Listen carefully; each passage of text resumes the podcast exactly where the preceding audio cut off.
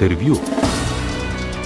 Novo izvoljeni predsednik vrhovnega sodišča Miodrag Đorđević je karierni sodnik, specialist za gospodarsko, zlasti insolvenčno pravo. Kot Fulbrightov štipendist se je na področju ameriškega stečajnega prava izpopolnjeval v Nešvilu. Bil je tudi svetovalec vlade Makedonije pri projektu predpristopne pomoči Evropske unije z področja insolvenčnega prava. Zadnja tri leta je bil podpredsednik vrhovnega sodišča, je častni član slovenskega sodniškega društva. Vrhovni sodnik je postal leta 2002, je tudi medijator in trener medijatorjev. V zasebnem življenju pa zaprisežen športnik, med drugim tekač na dolge proge. V studiu prvega Miodraga Đorđeviča gosti Jolanda Lebar. Pozdravljeni predsednik vrhovnega sodišča, dr. Miodrag Đorđevič na prvem programu Radia Slovenija. Ja, uh, pozdrav poslušalcem in hvala vam za povabilo. Zase pravite, da niste človek velikih besed in obljub, ampak človek akcije. Je ta akcija tudi del tega, da ste se zavihteli prav na vrh sodstva, na um, mesto predsednika vrhovnega sodišča, ob dejstvu, da sta bila predtem, recimo vsaj v tokratnem razpisu, pa tudi pred šestimi leti, kar uh, dva neuspešna poskusa iskanja kandidata. Zakaj ta izziv? Izziv uh, je povezan s tem, da sem, kot ste pravilno napovedali, karierni sodnik. Sodnik sem postal leta 1985, kar pomeni, da sem že 38 let, bi rekel, on the bench. Uh, vrhovni sodnik sem pa od leta, pravzaprav od leta 2003, kar pomeni že 20 let. In štejem, da glede na svoje izkušnje, in dolgoletno sodniško kariero je bilo primerno, da sem uh, se kandidiral za predsednika vrhovnega sodišča. No. Predvsem še glede na to, ker sem bil prej tri leta podpredsednik. Točno to, to, kar ste prej rekli, ne, da, ste, da ste pravzaprav karjerni sodnik, da ste bili predtem tri leta podpredsednik uh, vrhovnega sodišča. Um, na svojem nastopnem nagovoru, um, ko ste postali predsednik vrhovnega sodišča, ste rekli, da je sodstvo v dobri kondiciji. Uh, zakaj tako ocenjujete? Uh, ocenjujem, da je sodstvo v dobri kondiciji uh, glede na tudi podatke o uspešnosti dela sodišč, ki kažejo, da se je tudi v lanskem letu nadaljeval trend učinkovitega in uspešnega delovanja. Sodstvo obvladuje število prijetih zadev in zmanjšuje število nerešenih zadev.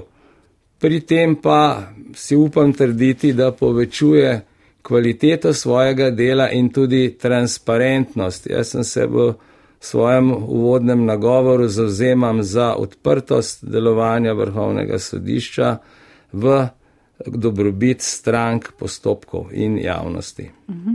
No, eh, tole bo vaš, eden vaših eh, prvih daljših intervjujev, odkar ste eh, postali predsednik vrhovnega sodišča. Pravite, da so za vas pomembni rezultati. Kaj to pomeni? Kot predsednik vrhovnega sodišča si želim izboljšati določene stvari. To pomeni, da nisem pristaš revolucije, ampak evolucije. Sodstvo je sistem, ki dobro deluje, kar pa ne pomeni, da ni mogoče določenih stvari izboljšati. Nisem naklonjen neki rutini, ampak pač tako, kot se družba spreminja, kot se okoliščine spreminjajo, se mora tudi sodstvo razvijati. Nove tehnologije, novi izzivi, Eh, pri tem pa eh, nisem pristaš tega, da se samo nekaj dela, da se nekaj poskuša, ampak me zanima tudi rezultat. Rezultat se pa kaže v tem, da bi se zadovoljstvo javnosti z delovanjem sodstva še povečalo. Vam bodo sodniki tu prisluhnili. Ne? Sodstvo je kar velik sistem in pogosto mislimo, da tudi dokaj okorev, bi rekla. Tudi sodniki v večini čutijo tako kot vi, da je vendarle treba določene stvari spremeniti na bolje, na hitreje. Sodniki, to ste pravilno ugotovili, sodstvo je dokaj rigiden sistem.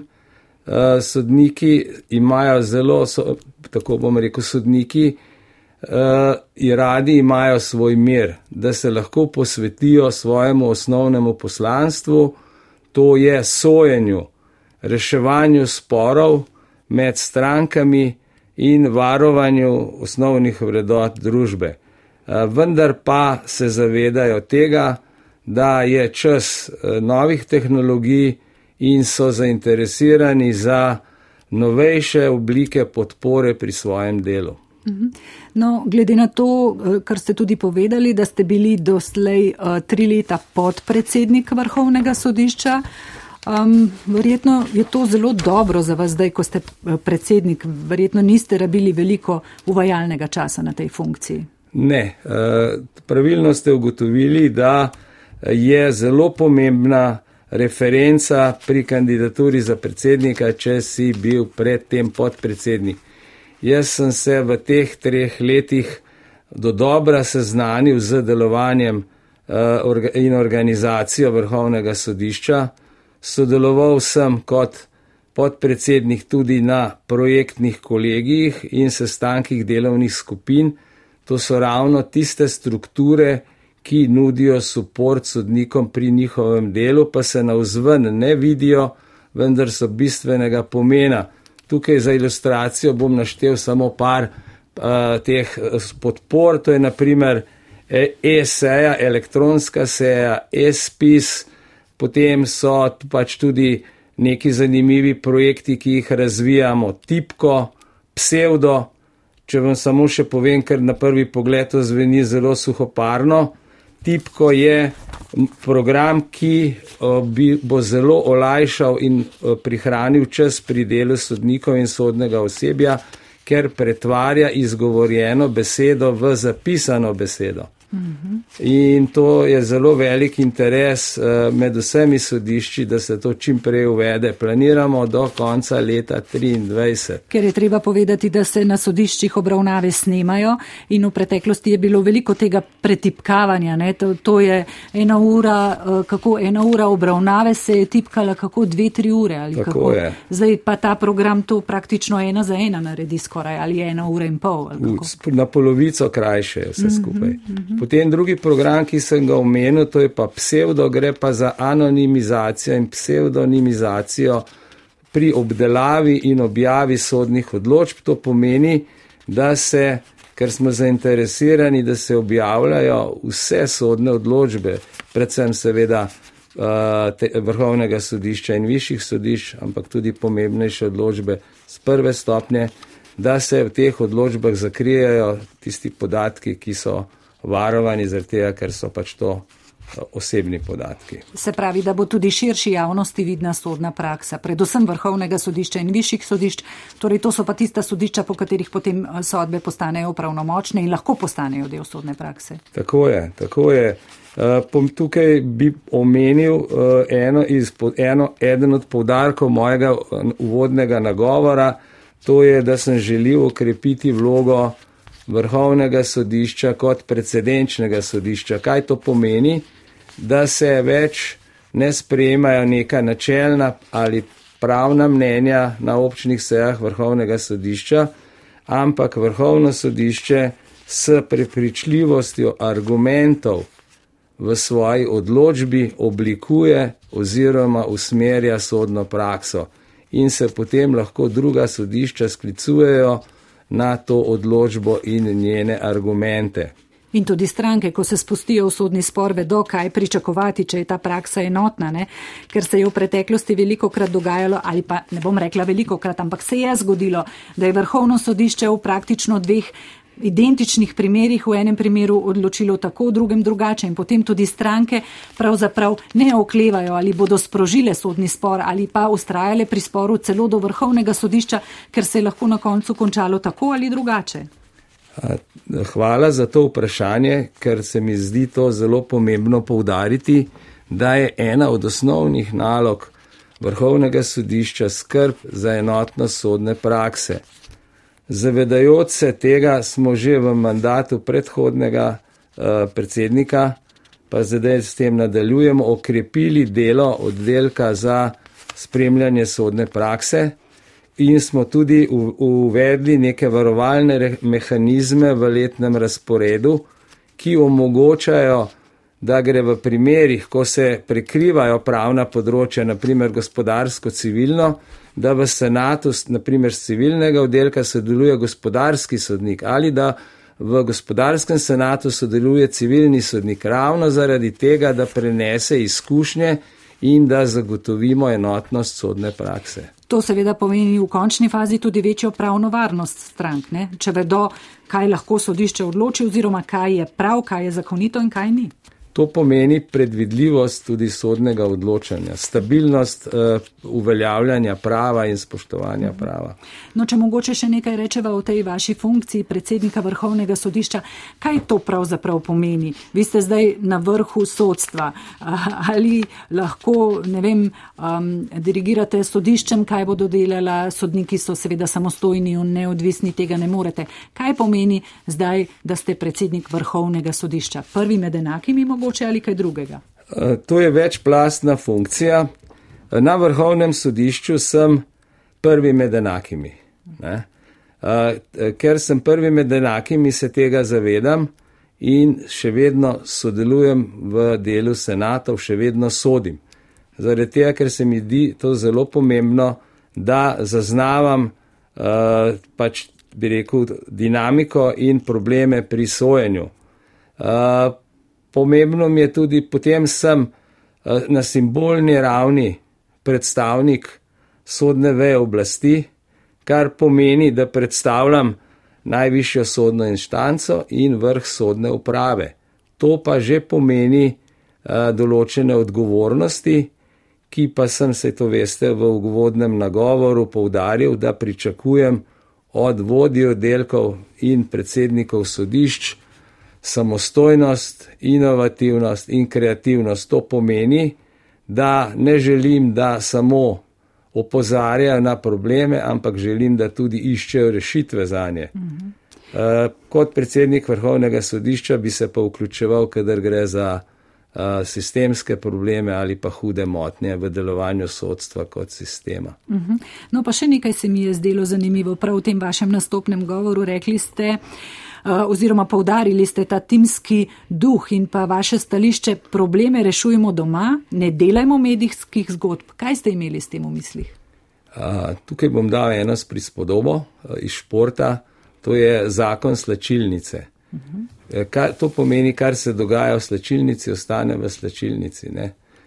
Če se malo pošalim, bi rekel, kar se dogaja v Las Vegasu, ostane v Las Vegasu. Ne? hočem povedati to, da nisem naklonjen, da bi se interni problemi reševali uh, javno. Uh, ima, sodniki in pa sodno osebe imajo vse možnosti. Imamo kolegi predsednika, sestanke oddelkov, konference sodnikov. Za ilustracijo lahko povem, da sem ravno danes popovdne sklical konferenco vrhovnih sodnikov, kjer se bomo pogovarjali o plačni problematiki. Ker sem član pogajalske skupine, in eh, bi želel, da mi vrhovni sodniki pričakujejo, eh, na, eh, kaš, da mi pojasnijo, kakšna stališča naj zauzamem pri usklajevanjih. Super istočnica, ampak prej pa samo še nekaj. Um, rekli ste tudi, da če ste sodniki tarče pritiskov in da kadar pride do zdrsa demokracije in motem pri uveljavljanju vladavine prava, da se od vas sodnikov pričakuje, da se odzovete da naj bo to vaše vodilo. Kdaj konkretno torej bi se morali sodniki v resnici odzvati, ker doslej je bilo nekaj zadržanosti na tem področju? Uh, to je zelo zanimivo vprašanje, ki smo ga obravnavali tudi ob otvoritvi sodnega leta na seminarju, ki je bil v Štrasburu. In tam so bile predstavljene nekatere države, v katerih je prišlo do zdrsa demokracije, in moten pri uveljavljanju vladavine prava. In sporočilo tistega sestanka oziroma konference za vse sodnike, evropske sodnike, je bilo nekako takšno, da se je glede na položaj, ki naj bi ga imelo sodstvo v družbi, eh, potrebno včasih tudi oglasiti, seveda ne pri reševanju konkretnih primerov, ampak na načelni ravni in izraziti neko stališče v prid varovanju človekovih pravic. Mhm. In kdo naj se v teh primerjih oglasi? Vi kot predsednik vrhovnega sodišča ali eh, dajete um, zeleno karto, zeleno luč sodnikom, vsakemu sodniku posebej, da se oglasi v zvezi s tem? Uh, bolj primerno se mi zdi, da to naredi predstavnik institucije. Uh mhm. -huh. Dobro, no. Seveda so pa možne tudi situacije na kakšnih uh, konferencah, posvetih, ne, ko pa se lahko tudi kateri od sodnikov oglasi v neki strokovni debati. Ne. No, sami ste prej umenili sodniške plače, zdaj na tem področju uh, se res. Uh, veliko in pa nič dogaja, bi rekla na eni strani. Eh, sodniki eh, na eni strani vse bolj ste eh, nestrpni, bom rekla, ali pa nezadovoljni s tem plačnim položajem, ki vam po vašem mnenju in tudi po recimo eni odločbi ustavnega sodišča pritiče kot tretji veji oblasti. Um, tudi ste že dobili nekatere zelo konkretne obljube o tem, da bo vaš položaj plačni vsaj začasno rešen z tem že zdaj prav prislovičnim 600 eh, evrov začasnega dodatka bruto k plači od 1. januarja, na drugi strani pa se zdi, da se eh, nič ne dogaja. Pa vas eh, zdaj vprašam, tudi od vas smo že večkrat slišali, ne? Materialni položaj sodnikov bi moral biti takšen, da bi tudi v resnici odražal uh, samostojnost in neodvisnost te tretje veje oblasti. Torej, tudi vi pričakujete, da bo ta aktualna vlada to hitro rešila?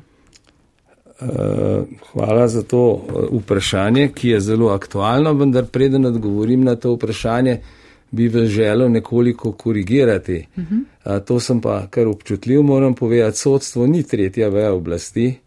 To večkrat povem, ni bronas, nima bronaste medalje, ampak je ena od treh enakopravnih vej oblasti in to je ena od stvari, ki, za katero se bom dosledno zauzemal, da je sodstvo uveljavljeno in spoštovano kot ena od treh vej oblasti. Uh -huh.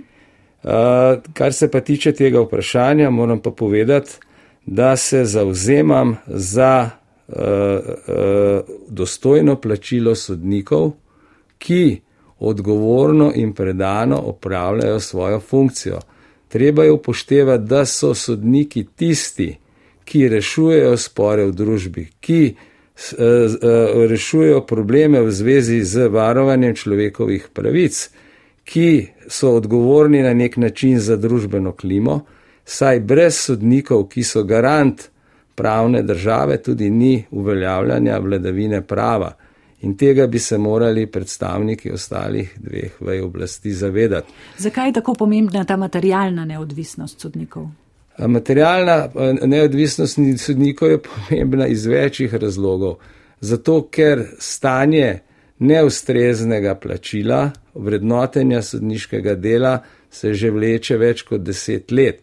Drugič zaradi tega, ker uh, je potrebno zagotoviti, da se sodniki sfokusirajo, ukvarjajo z reševanjem spisov da ne razmišljajo o drugih zadevah, da ne razmišljajo o položnicah, da ne razmišljajo, ali bodo lahko plačevali kredite, da ne prihaja do nekih eh, nezadovoljstev, ko se, gle, gle, eh, ko se opazuje, kako določene plačne skupine re, reagirajo in na nek način izsiljujejo. Eh, sodniki smo bili vedno zadržani, dostojanstveni v svojih prizadevanjih in štejem, da bomo taki tudi naprej ostali. Ampak marsi kdo bi rekel, uh, gospod Đorđevič, kaj se pa ti sodniki grejo? Saj tudi mene skrbi, ali bom plačal položnico, ali bom lahko najel kredit, ali bom, ne vem, lahko eh, plačal šolo, vrtec ali karkoli drugega. Treba je upoštevati, da uh, so sodniške plače bile že enkrat problem uh, pogajanj in usklajevanj. To je bilo skoraj pred 15 leti mm. in takrat je bilo doseženo neko soglasje, nek kompromis. Moram reči, da smo ga s strani sodstva sklenili s cmokom v grlu in tisti trenutek, ko je bil sklenjen, je bil še kakor tol, kolikor toliko v redu. Potem smo pa mi ostali na mestu in realna vrednost naših prijemkov pada, pada. Zdaj ne bi številkam vas mhm. obremenjeval. Mm -hmm ker to je ogromen številk. Eh, posvetovalna skupina, katere član sem, je naredila vse analize in pripravila izračune in jih posredovala tako Ministrstvo za javno upravo kot Ministrstvo za pravosodje. Moram reči, da smo v zdaj intenzivirali naše razgovore, da se stvari premikajo in tako, da eh, se kaže izhod iz te zagate. Eh, kaj več pa žal ne morem povedati, ker smo tako dogovorjeni, da to ostane v našem krogu. Kako potem vidite na to potezo predsednika vlade eh, Roberta Goloba iz začetka januarja letos, ko vam je obljubil to začasno rešitev? se je poigral z vami, ni dovolj dobro premislil ali, ali kako. Ali pa ne vem, mogoče pravosodna ministrica um, ne zna napisati zakona, ki bi to vam omogočil. Uh, glejte, jaz se s tem sploh ne obremenjujem. Uh, jaz sem zainteresiran za uh, sistemsko rešitev in zato se zauzemam plačnega položaja sodnikov da se, upam, želim si to reči, nikoli več ne bi znašli v taki situaciji, kot smo sedaj, ko se ponavlja zgodba iz leta 2008. Glede obljub je pa tako, da so to stvar tistega, ki jih je dal in njegove kredibilnosti. Ja, no, zaradi tega, ker se zdi, da takrat na tistem občnem zboru, izrednem občnem zboru, ki ga je sklicalo Slovensko sodniško društvo, ste sodniki vendarle nekako začutili, da bi se to lahko uresničilo. Pa so potem vse do danes prihajale informacije, ja, tako kot ste rekli, da boste morali počakati na to sistemsko rešitev. Nekateri so sodniki s tem v resnici niso zadovoljni ne? in so se zdaj nekako zbrali tudi zunaj tega uh, sodniškega društva. Se je tako ali tako treba povedati, da vsi sodniki niso znotraj društva in da tudi društvo ni njihov sindikat. Ne? In vaša pogajalska skupina je sestavljena tako iz vrhovnega sodišča, sodnega sveta in sodniškega društva. Kako pa gledate na to, recimo na to pobudo celskih sodnikov in še nekaterih, ki so se v ponedeljek zbrali na, na pravni fakulteti? Sprejeti in dali vladi recimo časa do konca tega meseca, da vendarle pripravi nek konkreten predlog? Eh, tukaj eh, ste, eh, bom imel dva odgovora. Prvi odgovor je ta, da je treba povedati, da je bil premijer Golop prvi, ki je javno priznal, da se dogaja krivica sodstvu. Prav tako tudi ministrica za javno upravo, ki je na televiziji povedala, da je treba to situacijo čim prej popraviti. Drugi del odgovora se pa nanaša na ponedeljkovo srečanje. Jaz vam moram povedati, da sem bil na tem sestanku navzoč. Želel sem izraziti podporo tudi drugim sodnikom in njihovim prizadevanjem, ker se vsi zauzemamo za isti cilj, tako sodniki, ki so člani sodniškega društva, kot tisti, ki niso, tako vrhovni sodniki, kot sodniki prve stopnje. In želel sem pozvati k enotnosti, da take aktivnosti ne bi bile napačno razumljene, ker uh, je potrebno uh, enotno si prizadevati za izboljšanje položaja vseh sodnikov, kompletnega sodstva. Tukaj se ne delimo, vsi imamo isti cilj in svojo navzočnostjo sem želel to pokazati. Moram pa še to dodati, da naprej pri oblikovanju predlogov in sklepov pa nisem sodeloval. Mm ker pač delujem znotraj uh, posvetovalne skupine in sodniškega društva. No, sej, to se mi tudi zdi, da je bilo pa ključno sporočilo tudi tega ponedeljkovega zborovanja uh, sodnikov ali pa srečanja sodnikov, nam reč, saj so podprli ne, uh, tudi zelo na glas tako prizadevanja vrhovnega sodišča, sodnega sveta in sodniškega društva, nekako so povdarili to enotnost. Ne. Um, napovedali pa so sicer tudi nekatere možne zaostritve. Jaz bi rekla, da so to verjetno bolj grožne, ker si tudi predstavljam, da si tudi sodniki v resnici ne bi želeli večinsko v togah, recimo pred državnim zborom, izraziti to svoje nezadovoljstvo zaradi tega plačne podhranjenosti. Kaj vi pravite, se to lahko zgodi kaj takega? Tukaj sem nekoliko zadržan, ker veste, uh, sodstvo je ena od dveh oblasti tudi mi predstavljamo državo. Ne? In nekoliko nerodno je na tak način uh, bi rekel, blokirati delo države. Se to ne bi šlo sicer pri protestnem shodu, ne gre za blokado, ampak pri nekih drugih aktivnostih. Mhm. Te druge aktivnosti so pa tudi takšne, da sem jim težko naklonjen in to izkušnjo sem doživel, ko sem bil pred leti član stavkovnega odbora, ko smo zares stavkali, ampak to je bila bela stavka, bi temu rekel tako, ker nas je vedno zaustavilo pri zaostrovanju to, da smo se zavedali, pomena, ki ga ima sodstvo v družbi, ker mi smo tisti, ki moramo zagotavljati uveljavitev pravic strankam v sodnih postopkih. Mhm. In tudi mi s tem posredno zagotavljamo vladavino prava. Tako da smo v neki neugodni situaciji. No, se tista stavka je v bistvu res zelo grenka izkušnja sodstva. Ne? Tudi zato, ker ste rekli, tisti sporazum, ki je bil po tej stavki sklenjen, se je samo sprva zdel zelo dober in je v bistvu zdržal zelo kratek čas. Ne? Tako je, ker so bile potem neki dodatki, premiki in vse mogoče mi smo pa, bi rekel, skoraj si upored, da smo ostali zacementirani. No, ampak treba je reči, da so še v najslabšem položaju pravzaprav mladi sodniki, ne? tisti, ki zdaj prihajajo ali pa so pred kratkim prišli v sodni sistem, večinoma na okrajnih in okrožnih sodiščih. Uh, ti sodniki so zaradi tega v najslabši situaciji, ker lahko postanejo sodniki šele pri 30. letu, Eh, takrat nekako v teh letih po zaključku pravne fakultete eh, si je treba poiskati službo, si je treba zagotoviti eksistenco.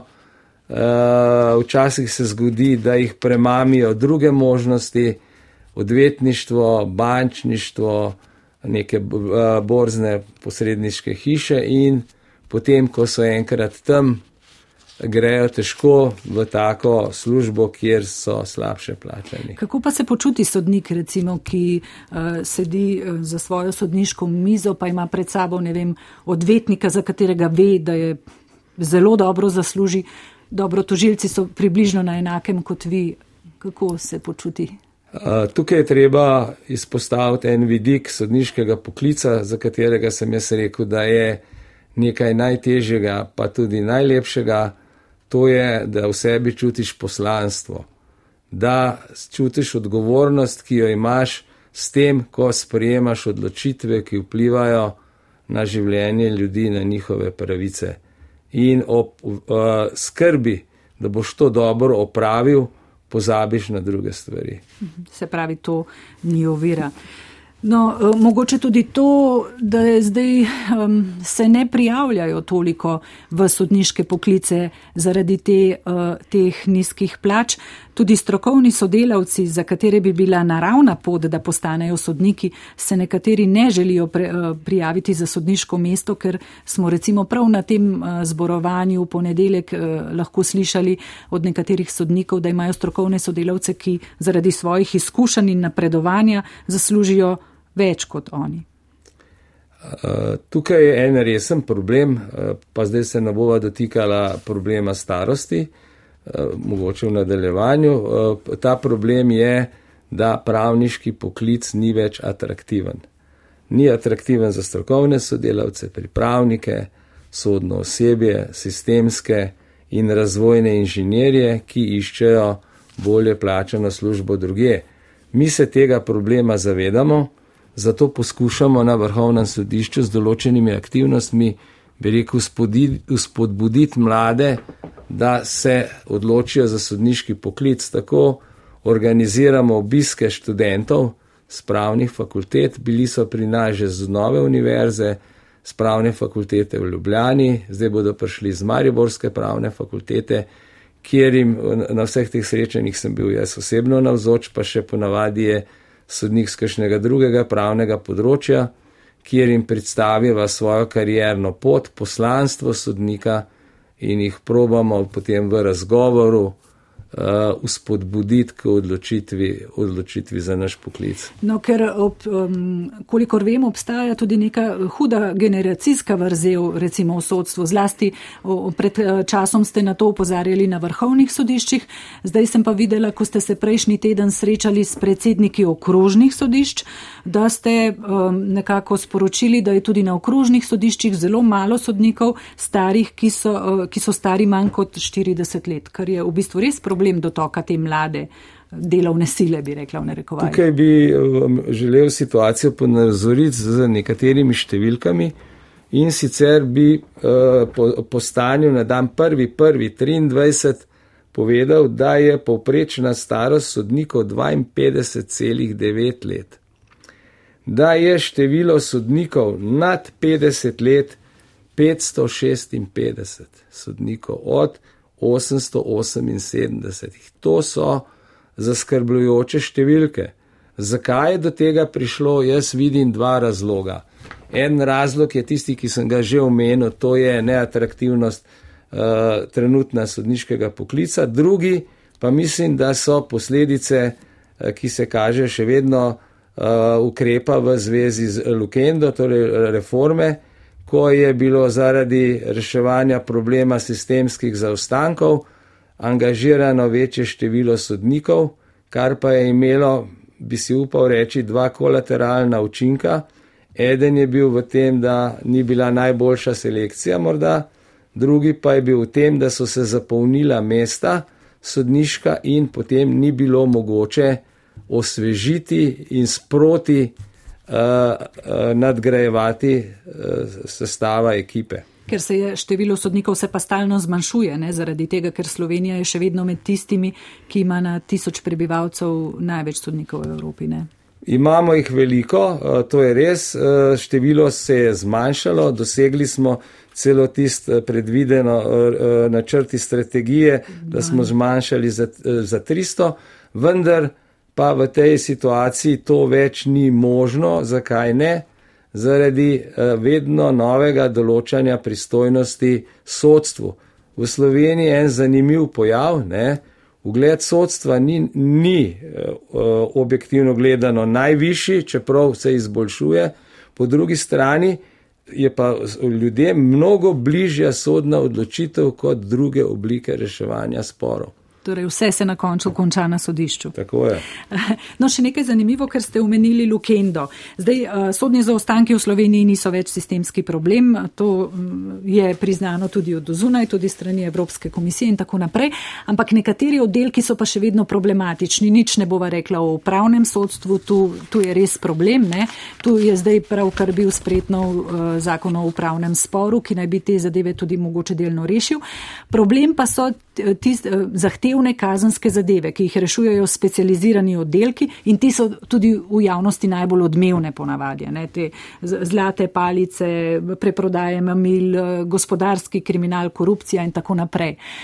Um, tu se zadeve prepočasi odvijajo, zlasti z ljubljanskega okrožnega, iz tega specializiranega poročajo o tem, da jim manjka sodnikov. In slišati je tako, da se pripravlja neka mini lukenda, bi rekli, samo za določen oddelek, za določeno sodišče. Kako boste reševali te zadeve na ljubljanskem okrožnem sodišču? Manjka sodnikov, izkušenih kazenskih sodnikov.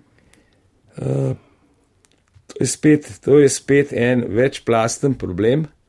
Eh, to so, eh, bi rekel, na kazensko-pravnem področju najtežje zadeve, saj gre za zadeve organiziranega kriminala, hudodelskih družb, kjer je ponavadi veliko število udeležencev, že sam potek postopka in organizacija sojenja v takih zadevah je izredno zapletena.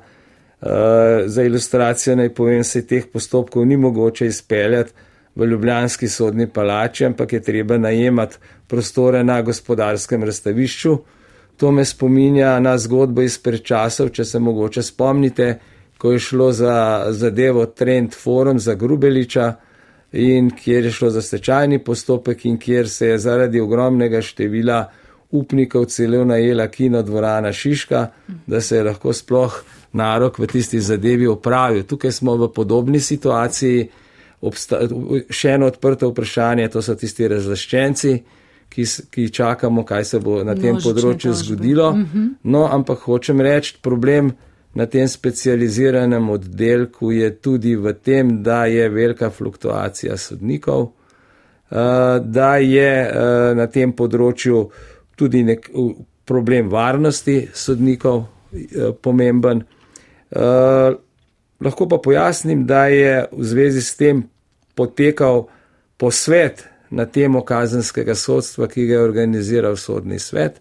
Sodni svet je sprejel tudi določena priporočila, eh, sodniško društvo se je že v teh priporočilih izjavilo, vrhovno sodisto, sodišče se bo tudi izjavilo, ampak suma sumarum, eh, če tudi upoštevamo ukrepe, ki jih je predlagal predsednik okrožnega sodišča v Ljubljani, je potrebna temeljita prenova kazenskega postopka.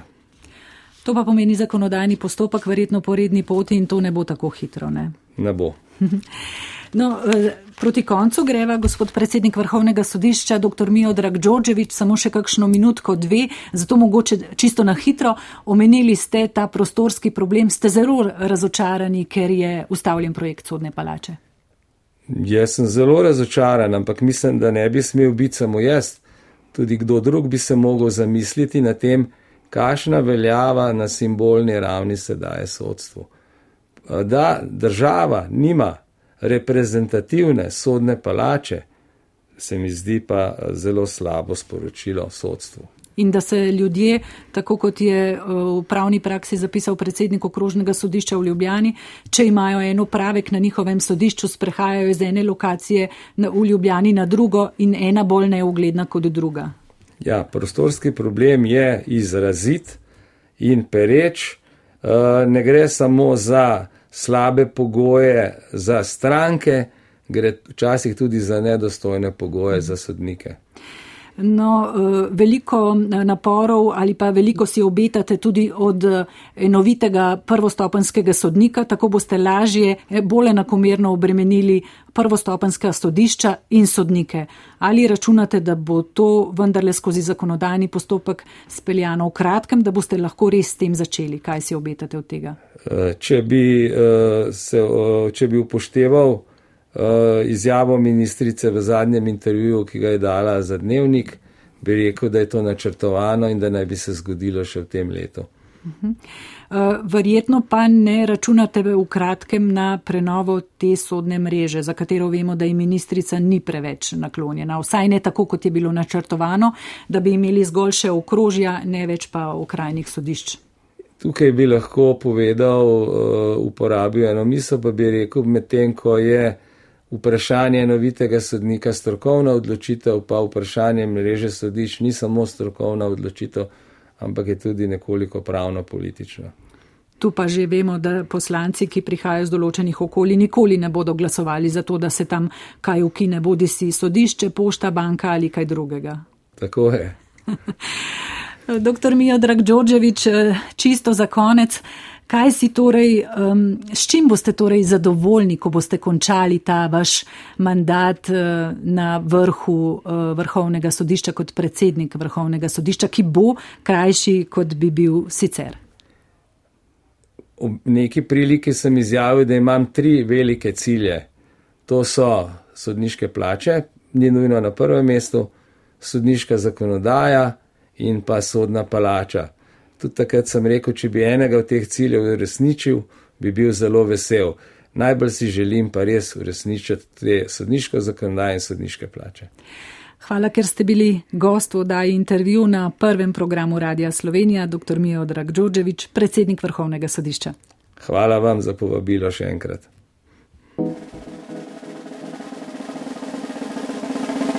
Intervju. intervju.